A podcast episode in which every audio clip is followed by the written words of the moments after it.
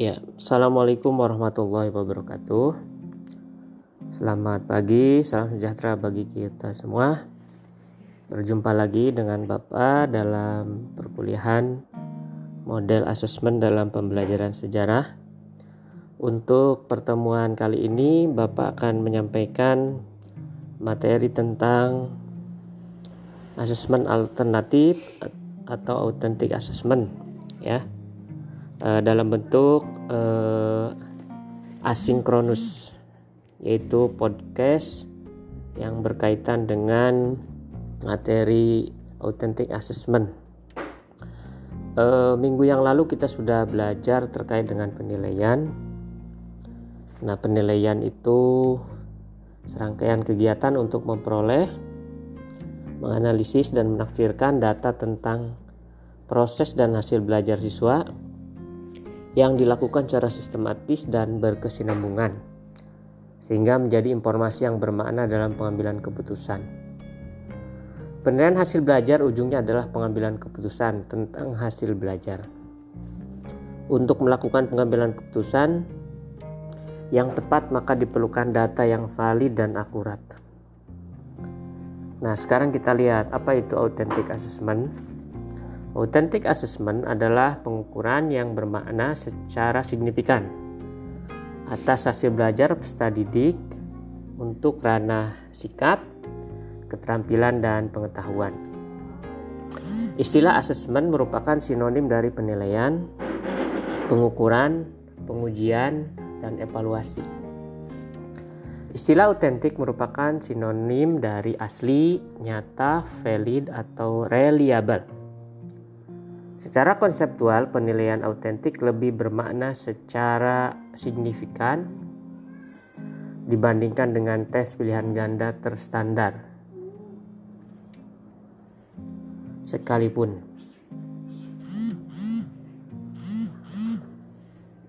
ketika menerapkan penilaian autentik,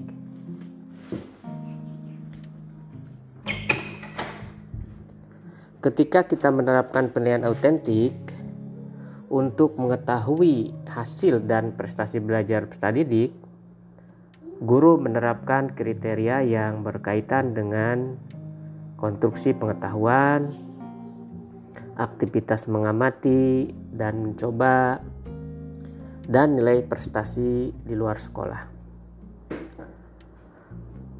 Penilaian autentik memiliki relevansi yang sangat kuat terhadap pendekatan ilmiah. Ya, atau scientific approach dalam pembelajaran sesuai dengan tuntutan kurikulum 2013.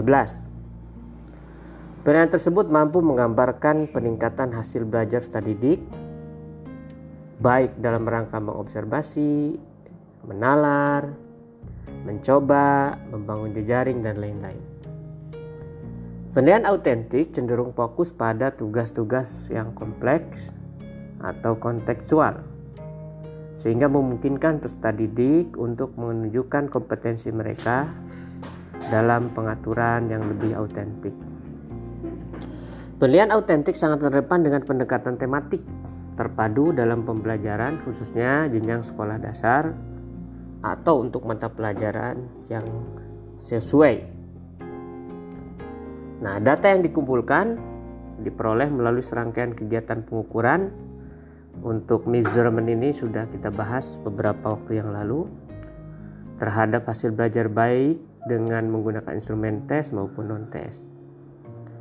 Jadi pengukuran di sini adalah kegiatan mengukur, yakni membandingkan suatu dengan kriteria atau ukuran tertentu. Itu menurut Ari Kunto.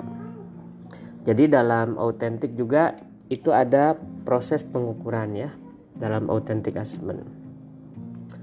Pengukuran yang dapat diartikan sebagai proses pemberian angka kepada suatu atribut atau karakter tertentu yang dimiliki oleh orang, hal, atau objek tertentu menurut aturan atau formulasi yang jelas. Ini menurut uh, Semawi Jainul dan Nasution uh, tahun 1997. Dengan pengertian kuantitatif, maka hasil pengukuran dapat berupa simbol-simbol angka, jadi maksud penilaian di sini adalah memberikan nilai tentang kualitas sesuatu. Nah, pengukuran itu ada dua. eh, ada pengukuran untuk menguji dan bukan menguji ya. Contoh pengukuran yang dilakukan oleh seorang penjahit pakaian terhadap konsumennya untuk mendapatkan ukuran yang pas. Nah, untuk menguji, ukuran untuk menguji diarahkan untuk melihat potensi atau kemampuan yang dimiliki oleh sesuatu. Misalnya pabrik bola lampu melakukan uji coba dengan menyalakan lampu secara terus-menerus untuk melihat kualitas produk tersebut. nah, sekarang pengukuran dalam bidang pendidikan. Pengukuran dalam bidang pendidikan atau proses belajar mengajar adalah kegiatan yang diarahkan untuk melihat potensi atau kemampuan, baik kemampuan dasar maupun kemampuan sebagai hasil belajar atau achievement yang dimiliki oleh seseorang. Untuk melakukan pengujian ini diperlukan berbagai cara, di antaranya tes maupun non-tes. Nah, pengertian tes sudah ya. Nah, sekarang fungsi penilaian bisa dilihat dari segi psikologi, segi didaktik, segi administrasi. Nah, penilaian harus memperhatikan sisi psikologis peserta didik, menimbulkan rasa was-was itu biasa ya.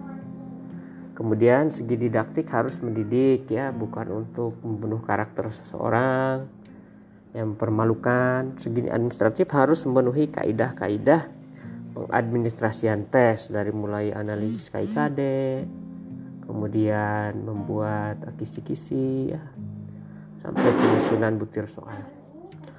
Nah, prinsip prinsip penilaian. Pertama terbuka ya. E, harus terbuka, tidak tertutup, berkesinambungan, continuity, menyeluruh dan e, mastery learning, ketuntasan belajar. Kemudian prinsip yang lain itu harus valid ya. Jadi harus ajeg, harus reliable, harus saya mendidik ya, tidak menjatuhkan, mempermalukan, mencemooh. Adil dan objektif, tidak aplikasi untuk mengungkap apa adanya, berorientasi pada kompetensi ya. Jadi eh, penilaian itu harus berorientasi pada kompetensi apa yang dimiliki oleh siswa itu ya. Nah, pelaksanaan kegiatan penilaian menurut PP nomor 19 tahun 2005 pasal 63 menyebutkan bahwa penilaian pendidikan berjenjang dasar dan menengah terdiri atas penilaian hasil belajar oleh pendidik, penilaian hasil belajar oleh satuan pendidikan, dan penilaian hasil belajar oleh pemerintah. Nah, sekarang oleh pemerintah ini dihapuskan ya UN itu melalui surat edaran Mas Menteri. Nah, teknik dan tujuan penilaian untuk tadi sudah dijelaskan di awal untuk mengumpulkan informasi tentang kemajuan belajar didik dapat dilakukan dengan beragam teknik baik berhubungan dengan proses belajar maupun hasil belajar. Teknik mengumpulkan informasi tersebut prinsipnya adalah eh, bagaimana caranya penilaian kemajuan belajar didik terhadap penilaian tujuan yang telah ditetapkan. Penilaian suatu tujuan dilakukan berdasarkan indikator-indikator pencapaian hasil belajar baik berupa domain kognitif, afektif maupun psikomotor. Ada beberapa teknik penilaian uh, yang autentik ini, misalnya penilaian unjuk kerja, penilaian sikap, ya attitude, behavior, penilaian proyek, penilaian produk ya. Penilaian uh, dengan penggunaan portofolio, penilaian diri, self assessment dan penilaian tes tertulis. Misalnya untuk penilaian unjuk kerja. Cara penilaian ini cocok untuk mengukur kompetensi peserta didik antara lain praktek di laboratorium, praktek berpuisi, praktek olahraga, presentasi, diskusi, bermain peran, ya, memainkan alat musik, bernyanyi, berdeklamasi, ya. Misalnya di sini eh, mampu menunjukkan peta Amerika Latin pada globe, mampu melapalkan lagu Indonesia Raya dengan baik mampu melapalkan lagu padamu negeri dengan baik, mampu melapol, melapalkan notasi lagu dengan baik. Ya. ada juga penilaian skala penilaian rating scale ya skala penilaian adalah alat penilaian menggunakan suatu prosedur terstruktur untuk memperoleh informasi tentang sesuatu yang diobservasi skala kemampuan membaca peta pada zonasi mangrove misalnya ya kelas berapa aspek nilainya apa-apa gitu. Nah demikian rekan-rekan untuk sementara eh, penilaian dari eh, apa penjelasan dari Bapak. Kurang lebihnya mohon maaf bila topik walidayah walaupun minkum wassalamualaikum warahmatullahi wabarakatuh